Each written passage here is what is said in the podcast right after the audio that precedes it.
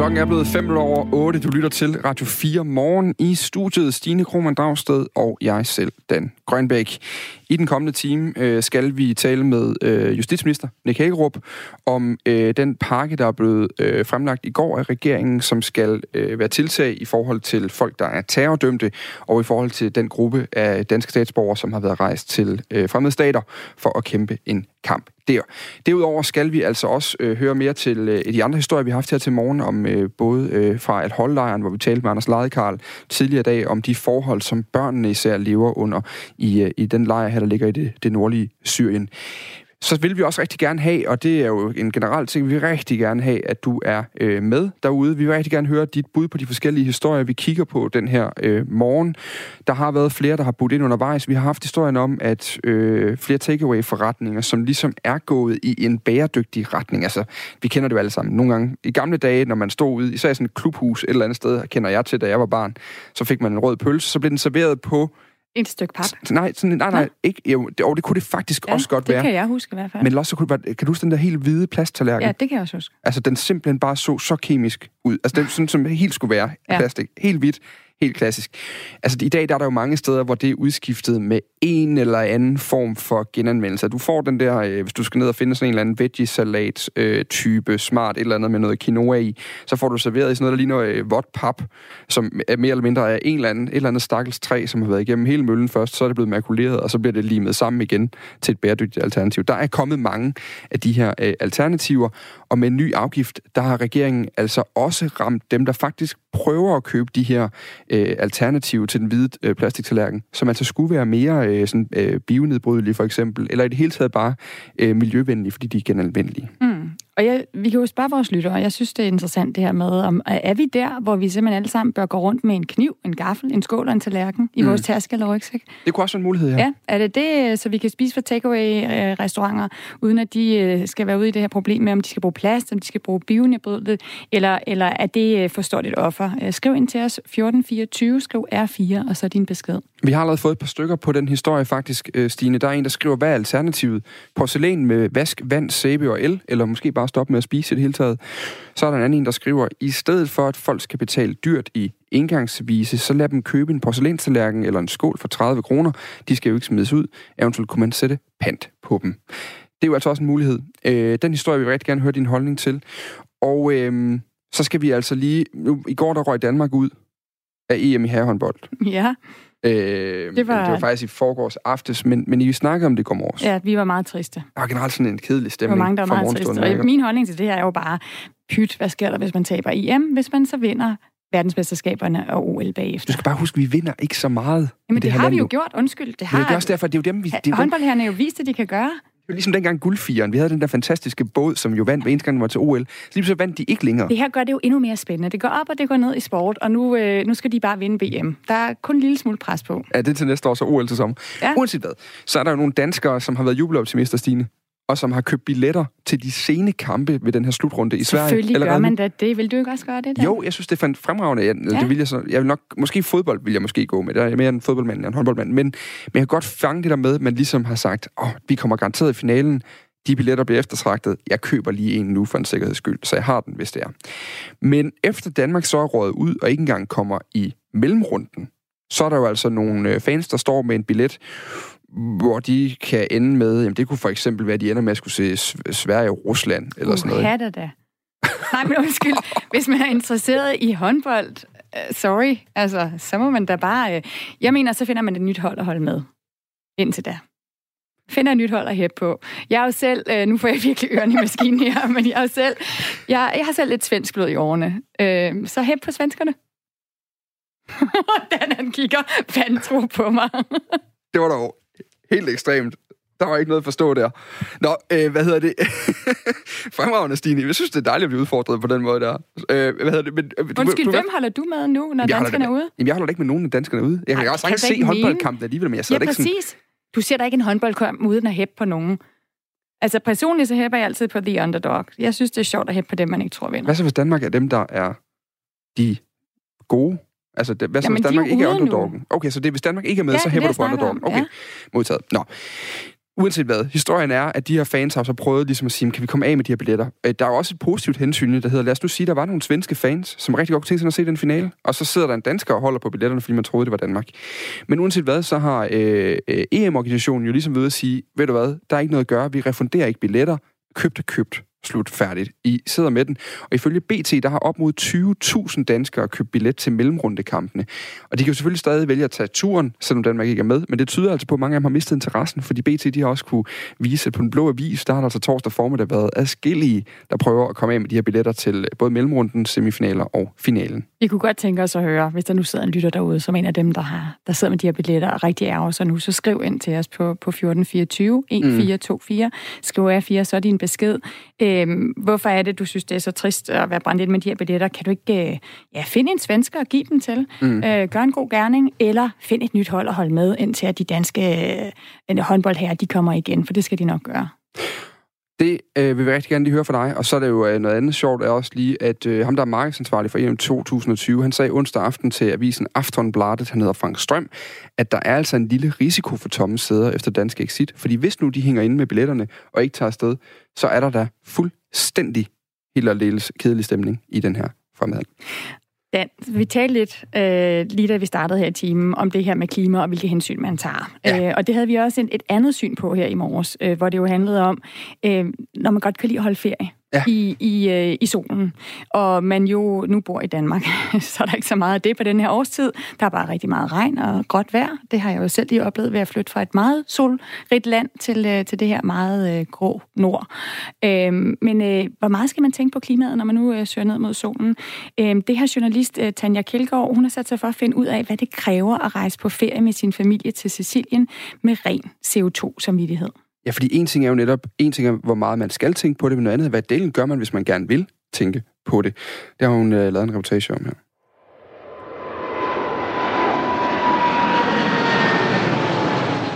Normalt opfatter jeg mig selv som en meget klimabevidst type. Min far har været miljøborgmester i København, da jeg var teenager, og min mor har en webshop med fair trade og økotøj. Og så har hun lært mig, at man skal gøre rent med lageredike. Spanien mange gange, Portugal mange gange, Marokko et par gange, Tunesien, Kenya også nogle gange, Tanzania også nogle gange, Zimbabwe kun en gang. Men når det kommer til mit flyregnskab, så ser det sort ud. Sydafrika kun én gang, øh, og så herover Østtimor, Indonesien kun en par korte med øh, overnatning og mellemlanding, Thailand nogle gange, i dag står den globale flytransport for næsten 3% af vores samlede CO2-udledning. Det mærkelige er bare, at mens vores bekymringer og vores bevidsthed omkring klimaforandringerne stiger, så gør flytrafikken det også. Ej, den er ikke sjov, den her. Altså, nu er jeg plejer at blære mig med det. Marokko, Tunesien, Ægypten, flere gange også endda. Sagen er, at jeg har en meget sort CO2-samvittighed – Thailand sagde jeg. Kambodja, Laos, Grækenland, Tyrkiet, øh, Vietnam kun én gang, øh, Kina, Indien mange gange, mange gange i Indien. Jeg har fløjet flere gange, end jeg kan huske, og jeg har været i flere lande, end jeg er gammel. Og skal jeg være helt ærlig, så har jeg haft så dårlig samvittighed, at jeg bare har ladet være med at forholde mig til det. Jeg har nægtet at lade klimakampen kom i kambolage med mit DNA som eventyrlysten verdensborger. Mm. Det er da ikke så slemt, eller hvad? Og jeg er ikke den eneste dansker med CO2 på samvittigheden. I 2018 fløj over 18 millioner mennesker fra en dansk lufthavn. Det er rekord i dansk luftfart, og det er rigtig dårligt for klimaet. Og jeg har også været i Jordan. Det har jeg også været nogle gange. Nogle af mine flyture har været i arbejdsregi for danske NGO'er. Reportagerejser, møder eller oplæg i EU eller Asien. Nogle har været studie- eller research-ture som del af min uddannelse. Mange af mine flyture har også bare været ferie. Og de formålsløse flyferier, dem kan jeg faktisk ikke forsvare. For mit vedkommende stopper flyferierne nu. Eller i hvert fald på den her tur. For man skal aldrig sige aldrig. Og jeg har også forsøgt at blive vegetar op til flere gange. Så inden jeg lover mig selv eller andre aldrig at flyve igen, så starter jeg lige med at finde ud af, hvor svært det egentlig er. Det der med tog i Europa. Altså, hvad kan man sige, kvæg din baggrund som politiker, der har arbejdet for at skabe grønne, mere bæredygtige løsninger.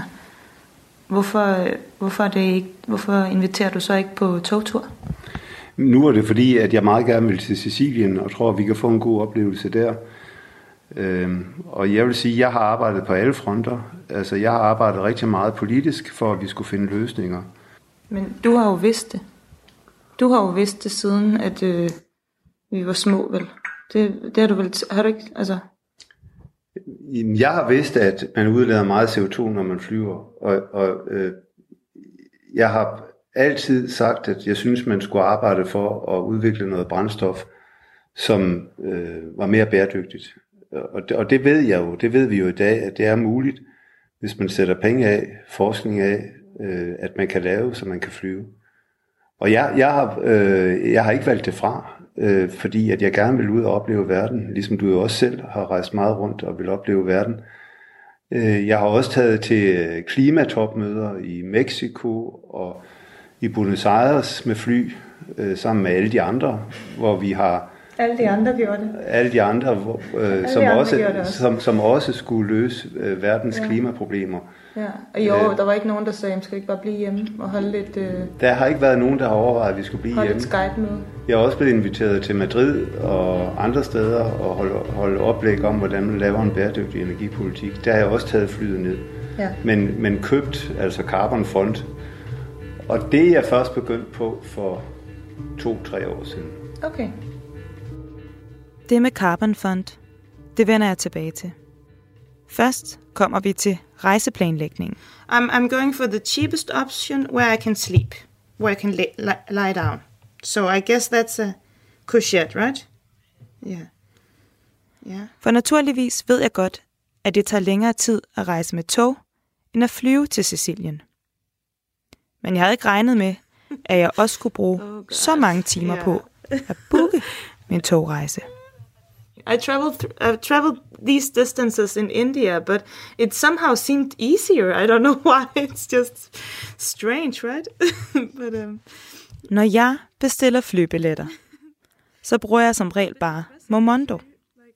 Men i dag findes der endnu ikke nogen fælles platform, hvor jeg både kan lave en rejseplan og købe billetter til min togtur, hvis jeg skal rejse over flere landegrænser i Europa. So what's you think it's possible that it's already booked?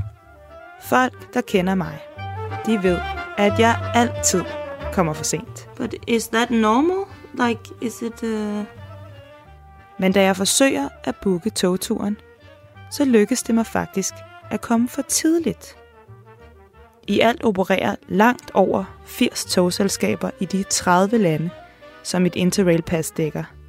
Og de, de har altså forskellige standarder for, hvor tidligt de frigiver billetterne.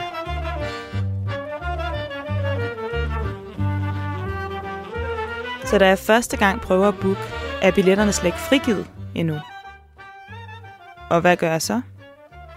Jeg lægger opgaven med billetbooking på hylden, og der ligger den så lige lidt for længe. What about the day after? No, no one day later, maybe. Yeah. But what about an early or later one? How many trains are there? Jeg kan kun booke halvdelen af min rejse gennem Deutsche Bahn. Og de skulle ellers være de bedste. Men resten af rejsen med de italienske tog, den må jeg selv sørge for.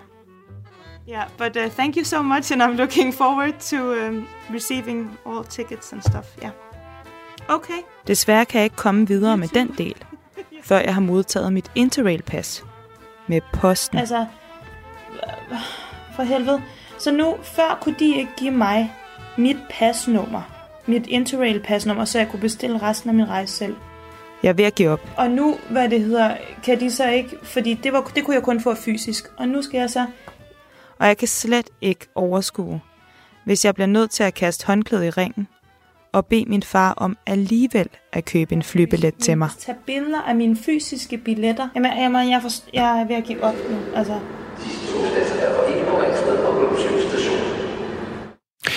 Det var altså Tanja Kjeldgaard, som havde undersøgt lige præcis, hvor besværligt eller hvor nemt det måske også kan være at komme på ferie rundt omkring i Europa med toget i stedet for med flyet. Du kan høre hele hendes reportage om hendes oplevelse på Radio 4 på lørdag kl.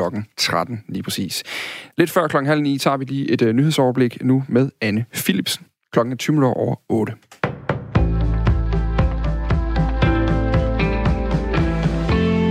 Problemerne i skat, det koster ikke kun ekstra medarbejdere og nogle ekstra udgifter til IT-systemer. Det har også udløst årlige ekstra udgifter til advokater, skriver politikken i dag. I 2018 der betalte Skatteministeriet næsten 300 millioner kroner til statens faste advokat, kammeradvokaten, for at få hjælp til at løse tre store problemsager. Det var svigtende gældsinddrivelse, forkerte ejendomsvurderinger og så var det ret, retsopgøret efter svindlen med udbytteskat for 12,4 milliarder kroner. Det fremgår af en opgørelse, som skatteminister Morten Bødskov har sendt til Folketingets skatteudvalg. Tidligere der var det normalt, at Skatteministeriet brugte omkring 100 millioner kroner om året på advokater til retssager mod borgere og virksomheder og almindelig juridisk bistand. Men siden 2015, der er udgifterne til kammeradvokaten altså steget markant, og i 2018, der lød ekstra regningen altså på næsten 300 millioner kroner.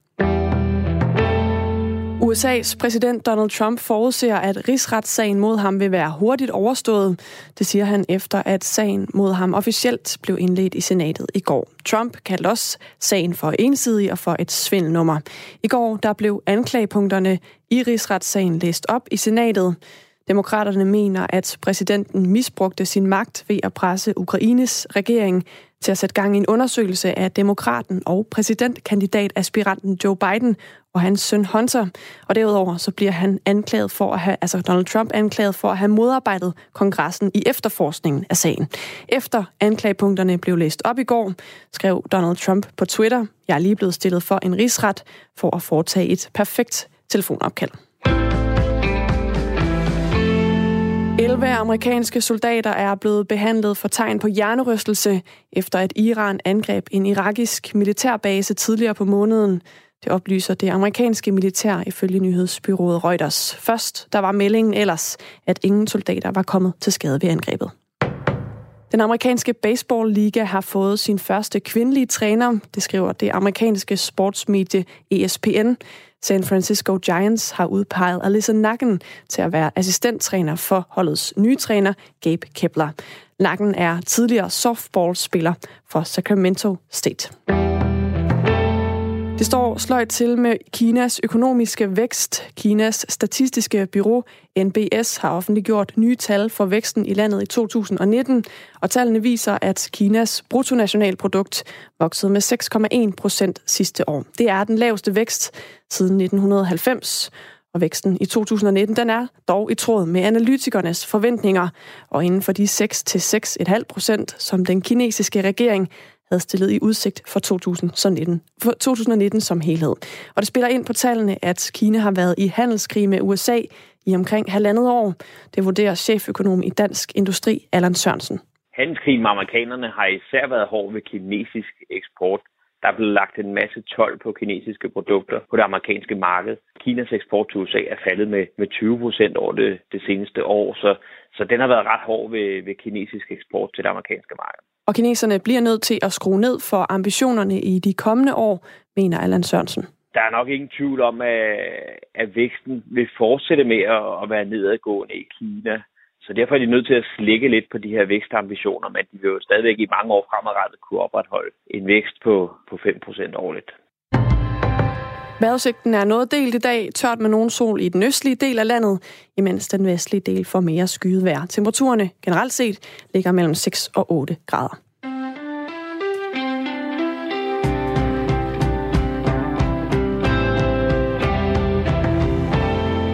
Anne Philipsen med nyhederne. Klokken er blevet 25 minutter over 8. Og regeringen er klar til at gå langt, endda meget langt, når det handler om at straffe fremmedkrigere, som er rejst til Syrien eller Irak for at kæmpe for den militante bevægelse Islamisk Stat.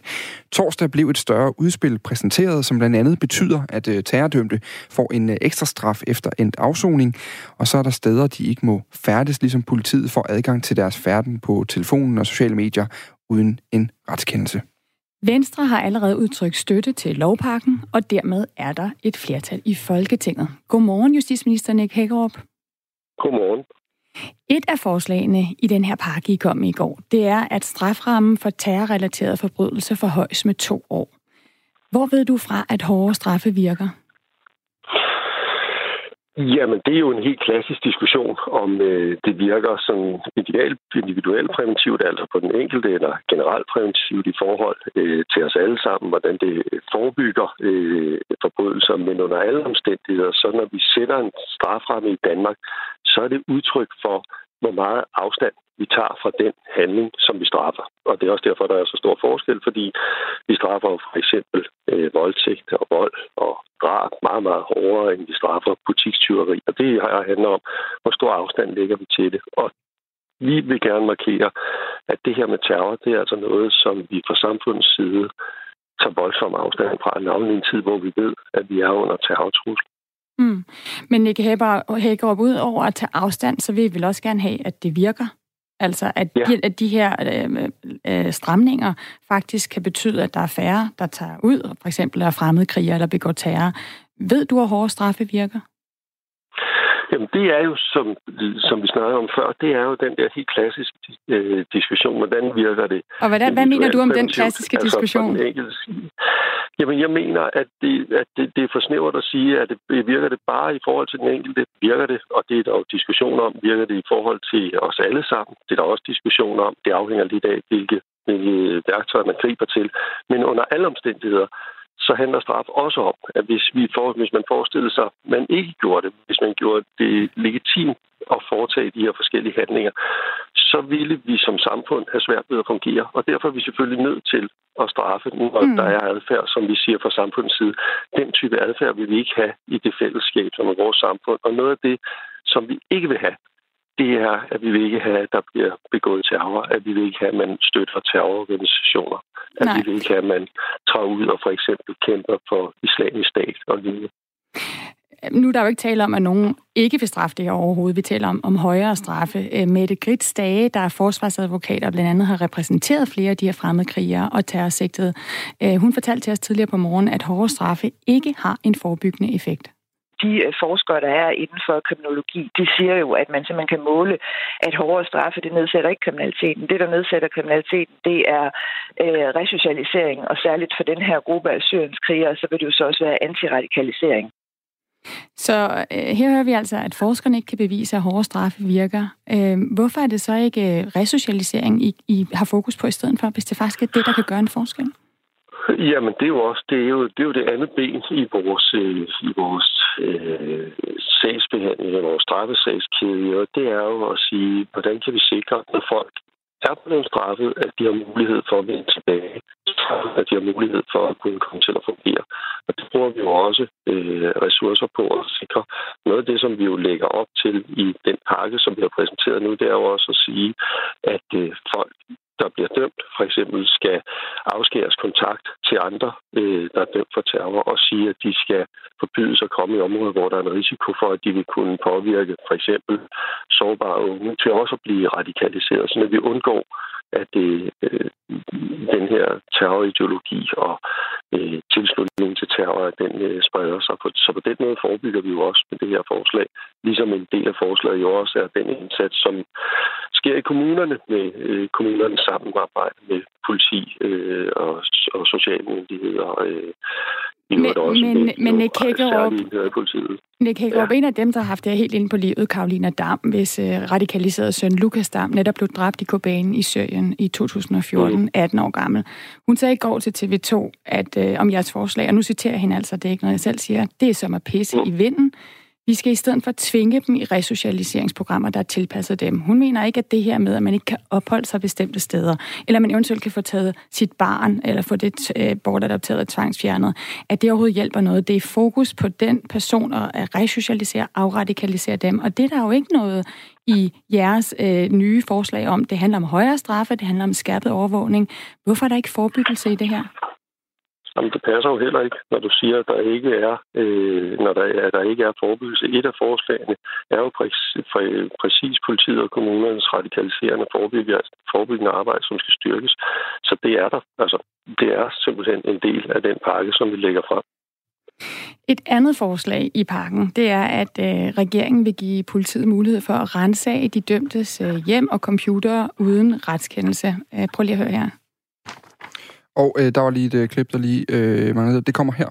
Det er et brud med helt grundlæggende retssikkerhedsprincipper, og jeg står fuldstændig uforstående over for det, fordi det er ikke nødvendigt, det her. Der er ikke noget problem i, at man skal indhente en dommerkendelse.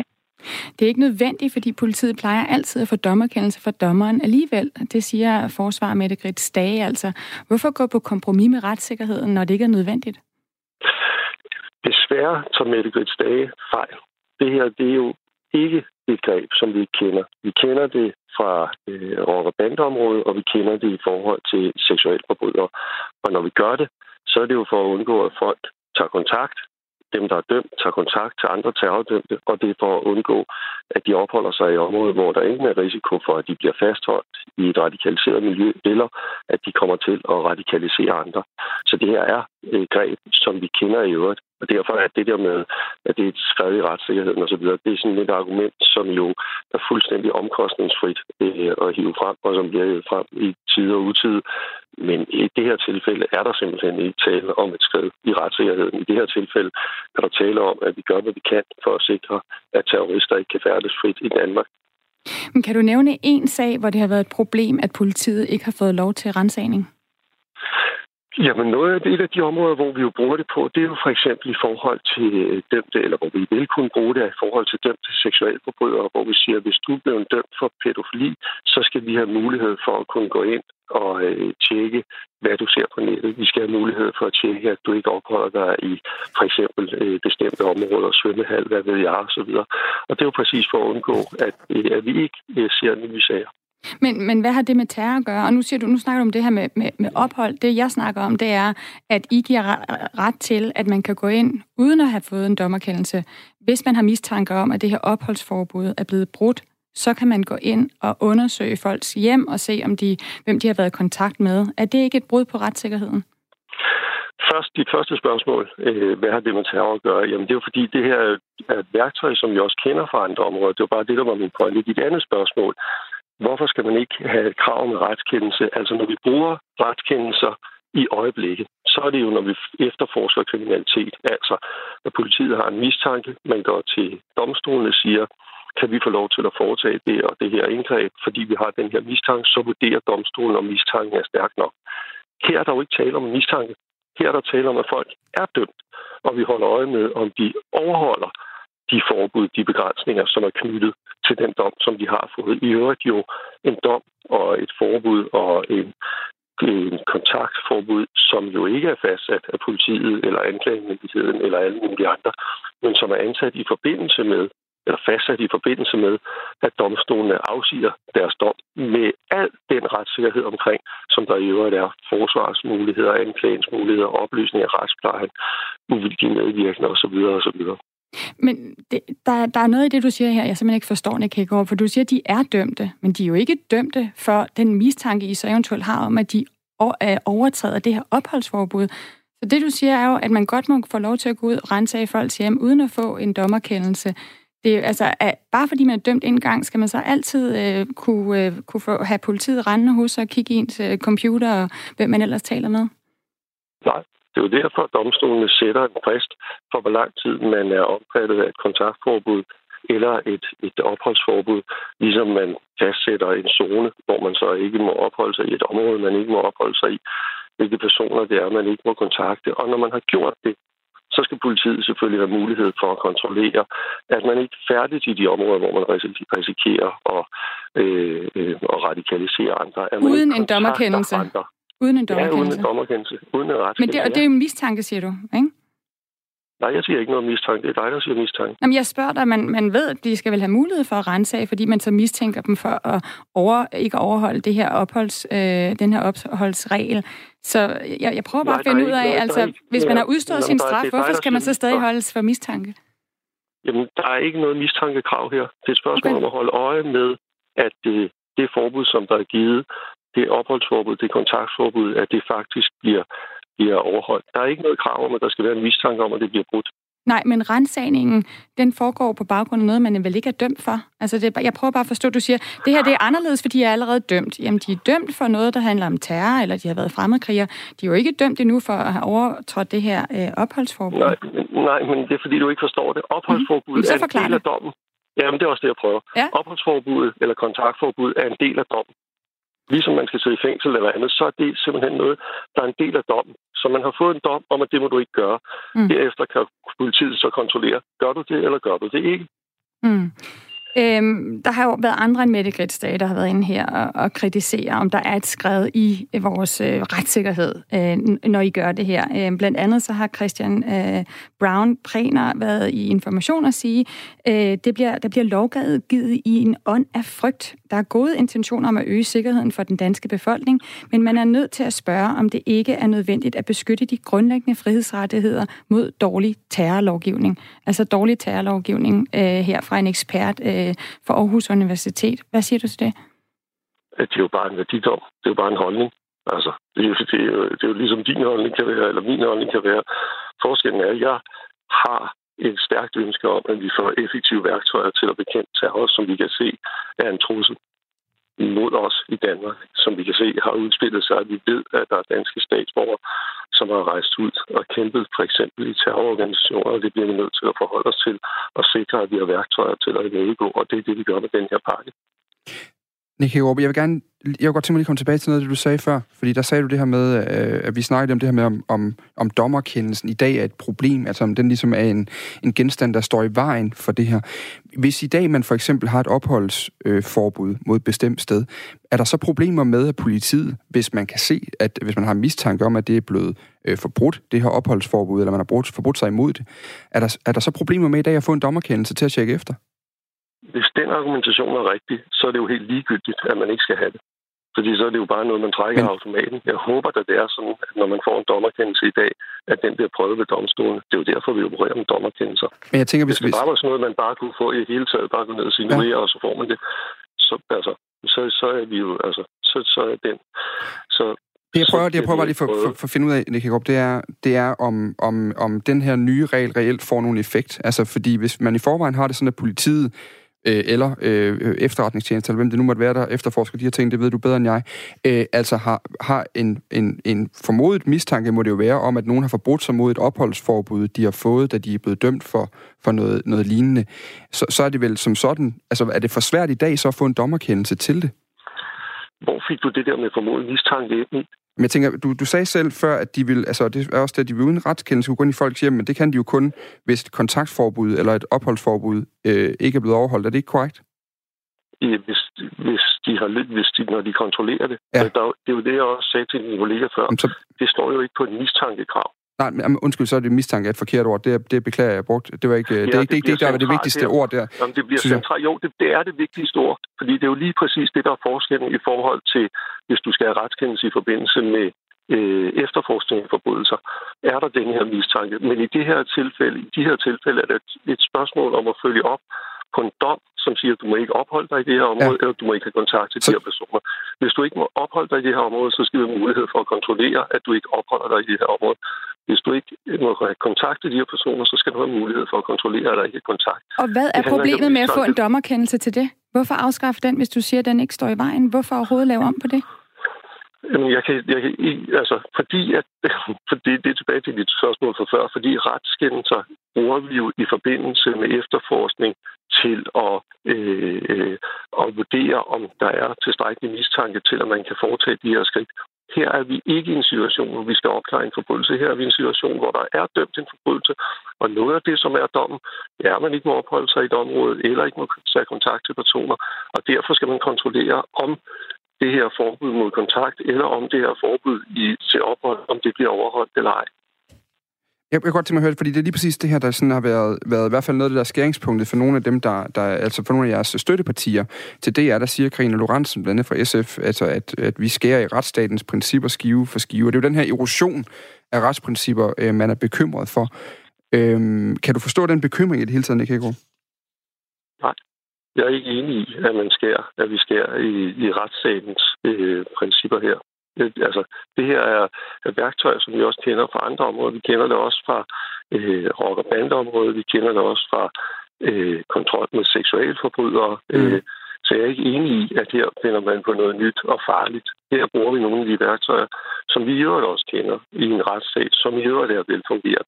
Men det er jo et helt klassisk synspunkt, det der med, at øh, når vi siger, at nu bliver vi nødt til at tage hårdere fat om forbrydere, nu bliver vi nødt til at forholde os til de nye udfordringer, vi har i det her tilfælde terror, at vi så bliver mødt af argumenter om, at her skal vi i retsstaten. Men der er jo ikke nogen, der i dag vil sige, at Danmark er ikke en retsstat, og vi bevæger os væk fra at være en retsstat. Det, det er der jo så nogle af jeres støttepartier, der, der kritiserer. Men, men nu har vi i hvert fald fået din forklaring på, hvorfor det ikke er et problem. Mm. En sidste ting, vi lige vil vende med dig, Nick Hækkerup, for der er jo rigtig mange dele i det her. I har fremsat ja. en masse lovforslag, og det er vigtigt at komme helt vejen rundt om det, så vi forstår det, og derfor er vi også glade for, at du stiller op. Ifølge PET, så er der jo ikke tale om mange mennesker, der i øjeblikket befinder sig i konfliktzonen i Syrien eller i de omkringliggende lande. Det er 21 personer, der kan blive påvirket af jeres nye lovpakke. Er det her ikke symbolpolitik?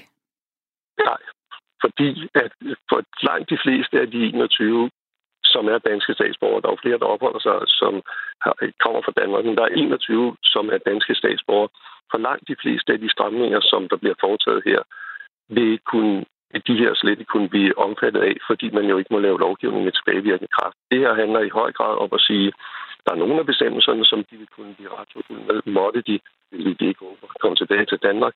Men så handler det jo også om at sige, at vi er i øvrigt i en situation, hvor Danmark er under en terrortrussel, og vi bliver nødt til at sikre os de værktøjer, som skal til, for at vi kan imødegå den trussel. Nu, øh, nu kan vi næsten ikke høre dig, Nick Hækkerup. Vi skal lige have telefonen lidt tættere på munden, eller du skal svinge den lidt over hovedet. Ja. Ikke bare fra dem, som kommer fra islamisk stat, men også dem, som kommer alle mulige steder fra. I, i december måned havde vi, som de fleste nok husker, en, en stor anholdelsesaktion i forhold til folk, som øh, blandt andet jo er mistænkt for terror. Så det er jo ikke kun et spørgsmål om øh, islamisk stat, det er også et spørgsmål om, om øh, om terror, terror. Ja. Som, som tror os i øvrigt. Ja. Og så kan man jo ikke være med, øh, som til allersidst, til at vende tilbage til den debat, vi havde i starten, vi jo ikke helt fik afsluttet. Nu snakker du om hårde straffe, du snakker om, at du skal gøre en forskel. Hvis vi er enige om, at man faktisk ikke, at, at det med hårde straffe, det handler om, hvad man gerne vil vise, man tager afstand, men at det måske ikke hjælper med de hårde straffe. Jeg ved godt, du siger, at der er andre dele af pakken, men du nævnte lige selv her hårde straffe. Hvordan kan det her så overhovedet gøre en forskel? Jamen, det gør en forskel, dels fordi, at, der, at det er virksomt, og dels fordi, at der er en lang række af de her elementer, som er med til at markere, hvad det er for et samfund, vi gerne vil have, og hvad det er for et samfund, vi i hvert fald ikke vil have herunder, at øh, terrorisme er altså noget, som ikke hører til i vores samfund. Justitsminister Nick Hækkerup, tak fordi du var med. Selv tak. Det var en fornøjelse. Der ventes et øh, konkret lovforslag til marts, og som sagt så har Venstre allerede meldt sin støtte, og dermed er der et flertal på 90 mandater, mandater mellem Socialdemokratiet og Venstre, som jo for øvrigt mener, at øh, altså gerne havde set, at man havde øh, taget endnu hårdere midler i brug.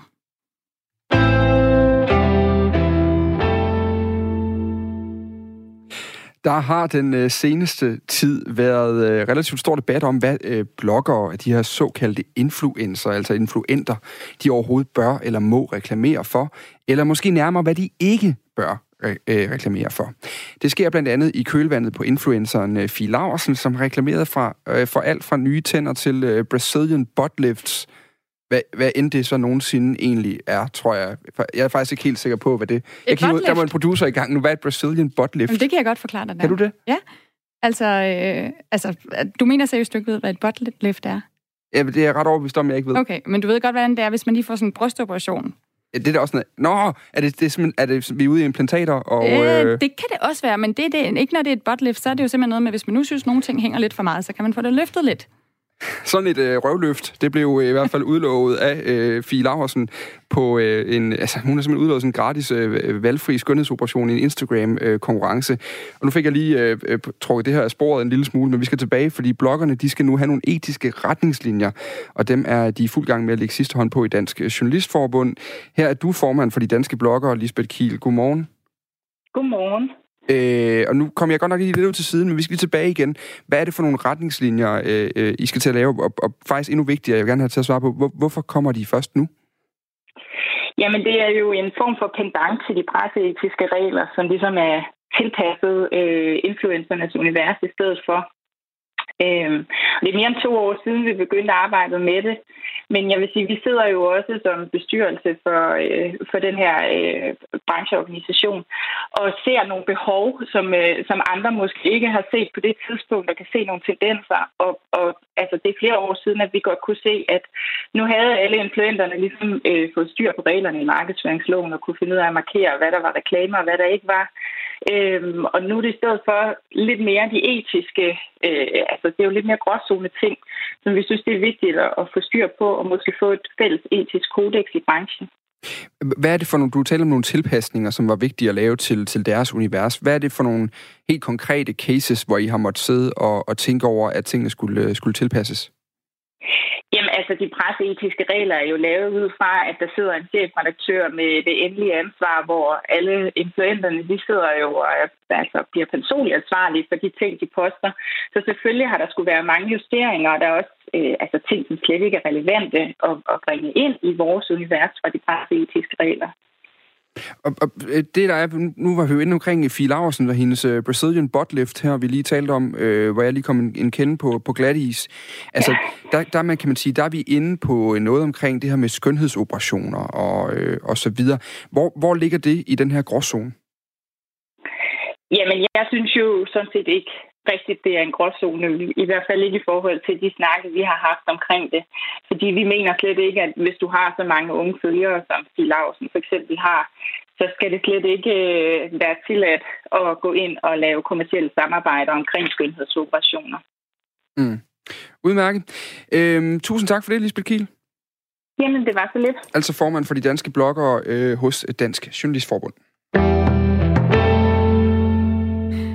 Vi har lige fået en sms på den, øh, på den her, det her øh, den samtale, du lige havde, Dan. Ja. Øh, hvad afgør, om øh, man er en influencer eller ej? Altså, hvor mange øh, personer skal der følge en? Øh, det er for, faktisk man er en influencer? Det, det er et meget godt spørgsmål. Fordi det her, det er jo også et nyt ord, der lige, hvis, som, vidt jeg ved, der er kommet med. Gen, bare, men øh, skal vi lave en lille huskregel? Man kan bare sige, generelt, så lad være med at lægge op til Brazilian butt lifts. Altså det, uanset om du har 4 eller 4.000, der kigger med, det, det ved jeg sgu ikke, om det. Ja, jeg ved det ikke. Jeg er også bare ja, en gammel mand. Du skal jo ikke have holdninger ja. her i radioen, Dan. Jeg så mener det skal ingenting. du vel ikke have nogen Nej, holdninger jeg mener ikke noget om det der, i hvert fald. Nej. Nå, øh, men altså, hvis der er nogen, der ved, hvor meget der skal til, for man egentlig må kalde sig en influencer, eller synes man er en influencer... Hun er noget smut, desværre. Så skriv ind til os på, på 1424, skriv R4, så din, øh, din besked. Øhm, de fleste kender J.R.R. Tolkien. Han er forfatteren bag Ringnes Herre-trilogien og Hobbiten.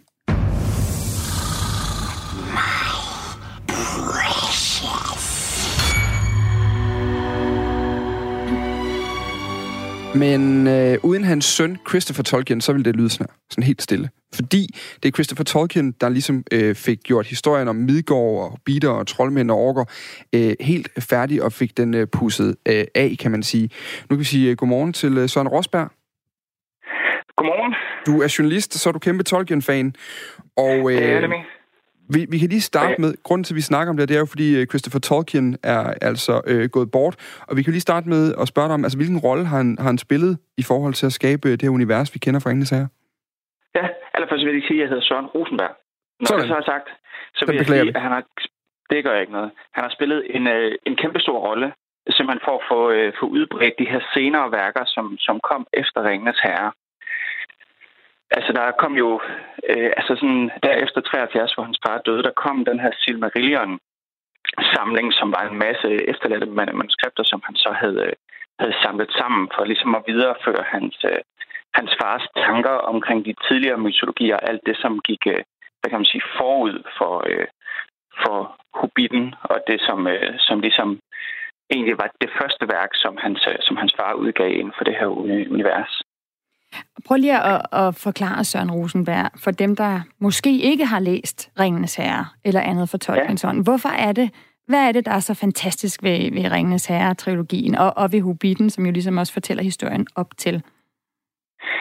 Altså det, der er, det, der er fantastisk, det er jo, at i hvert fald, det var, det var sådan, jeg havde det, særligt da jeg var, da jeg var teenager, og også da jeg læste på, på litteraturhistorie, det var den her fascination af det her kæmpe, kæmpe store, næsten uoverkommelige univers, som jo på mange måder egentlig næsten mimede en, en slags form for religion, uden at vi skal til at gøre det religiøst. Men for, for mit vedkommende, der var det i hvert fald en kæmpe stor fascination af, at en mand kunne skabe sådan et kæmpestort univers, hvor elverne havde deres eget sprog, som han jo havde et helt alfabet for.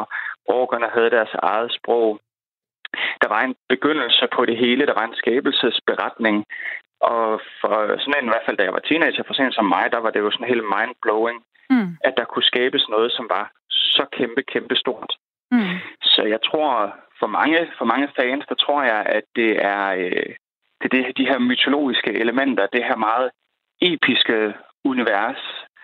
Og, øhm, og så kan det være, at der, der måske også er nogle af os, der har været så vilde med det. Øhm, det kan jeg i hvert fald selv skrive under på, at vi har siddet og været med i rollespil, og øh, kunne vælge, om vi for eksempel vil være elver, smukke, høje, øh, elegante elver, eller om vi vil være en hobbit. Det var faktisk det, jeg var. Øh, der, ja. Så er man ikke så måske så attraktiv. sige noget om din højde i øvrigt. Øh, ja, men, øh, men hobitter, de, de kan jo en masse andet. Øh, og, altså, så det var også fascinerende, det der med at leve sig ind i det univers. Men, men øh, øh, Søren Rosenberg, øh, handlede det egentlig ikke også grundlæggende, hele den her historie, handler den ikke om kampen mellem det gode og det onde? Og, og, og, og om, at, øh, at, at Tolkien jo skrev den under 2. verdenskrig, altså så, uden at, så vi ikke gør det helt verdensfjern for dem, der ikke har læst den, handler det vel også om, at han på en eller anden måde øh, havde den kamp, der var i gang. Øh, jeg ved ikke, om du må rette mig her, men jeg forstod det sådan, at hans søn faktisk var i, sendt ud til 2. verdenskrig, og han ikke ville have skrevet den færdig, hvis sønnen ikke var kommet tilbage. Er det rigtigt? Åh, oh, så meget er jeg slet ikke nede i, uh, i Christopher Tolkien trivia, at, uh, at, okay. det, at jeg vil kunne sige noget kvalificeret om det. Men, men du har fuldstændig ret i, altså, det er jo kampen mellem det gode og det onde, og det bliver så meget i hele Hobbiten og særligt Ringens Herre-universet bliver det meget viklet ind i det. Og øh, hans far, Christopher Tolkiens øh, far, var jo med i Første Verdenskrig. Og, øh, og lå også på lazarettet med noget, med noget, med noget sygdom og fik jo tankerne til, til, til Ringnes Herre der blandt andet. Mm. Så, så det bygger jo meget på, på, det er i hvert fald også det, det jeg kan huske, at jeg læste, når jeg læste de her biografier for mange år siden, at det bygger meget på de oplevelser, han også havde fra Første Verdenskrig. Men, hvad kan man sige, i forhold til Ringens Herre-universet, jo, så bliver det meget centreret om kampen mellem det gode og det onde.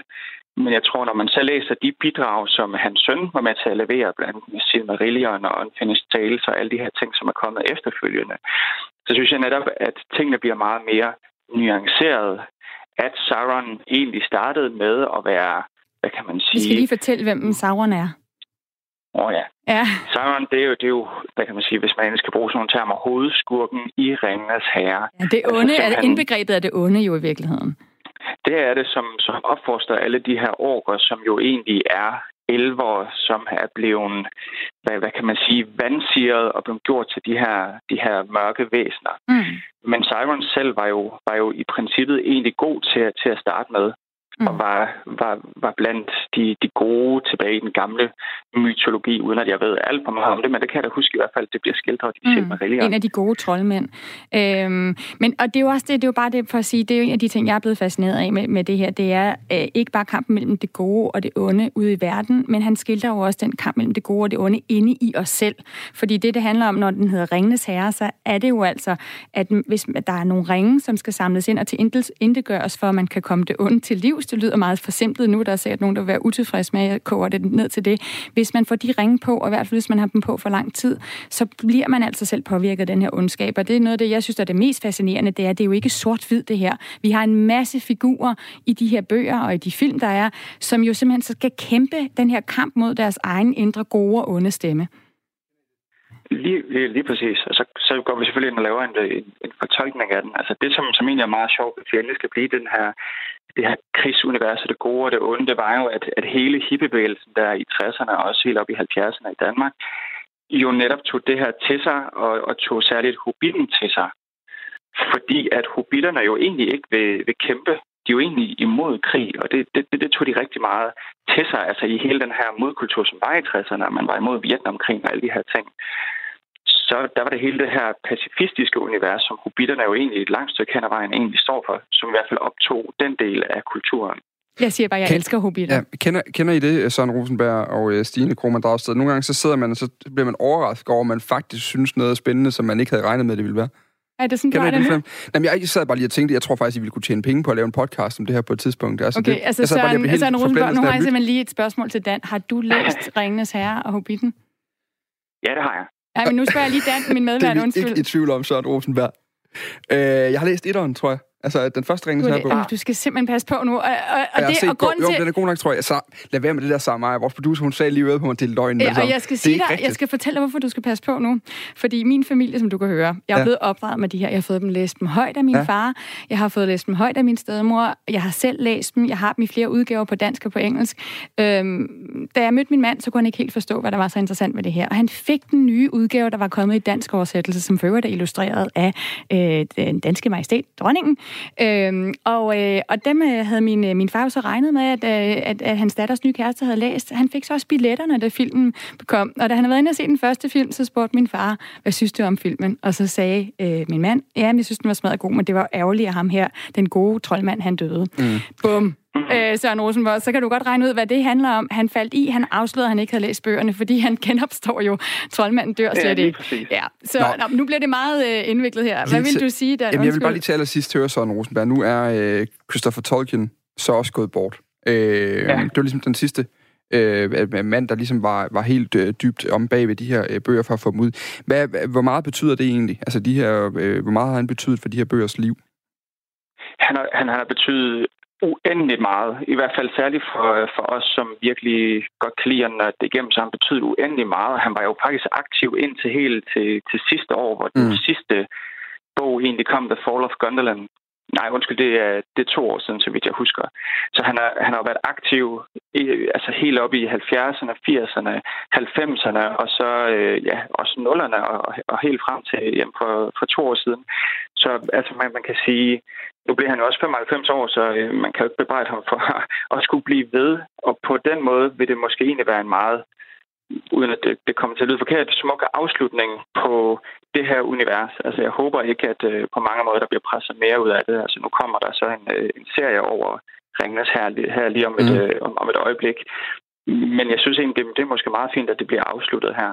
Det sagde altså Søren øh, Rosenberg, journalist og Tolkien-fan. Tak fordi du var med. Det var så let. Goddag, Camilla Due. Ja, godmorgen. Vi skal på den anden side af klokken 9 til, øh, til øh, Ring til Due i øh, dag. Og øh, det, det skal handle om i dag. Det er, hvad vi hedder. Hvad hedder du? Hvad hedder Dan? Er det, er det Og jeg hedder Stine.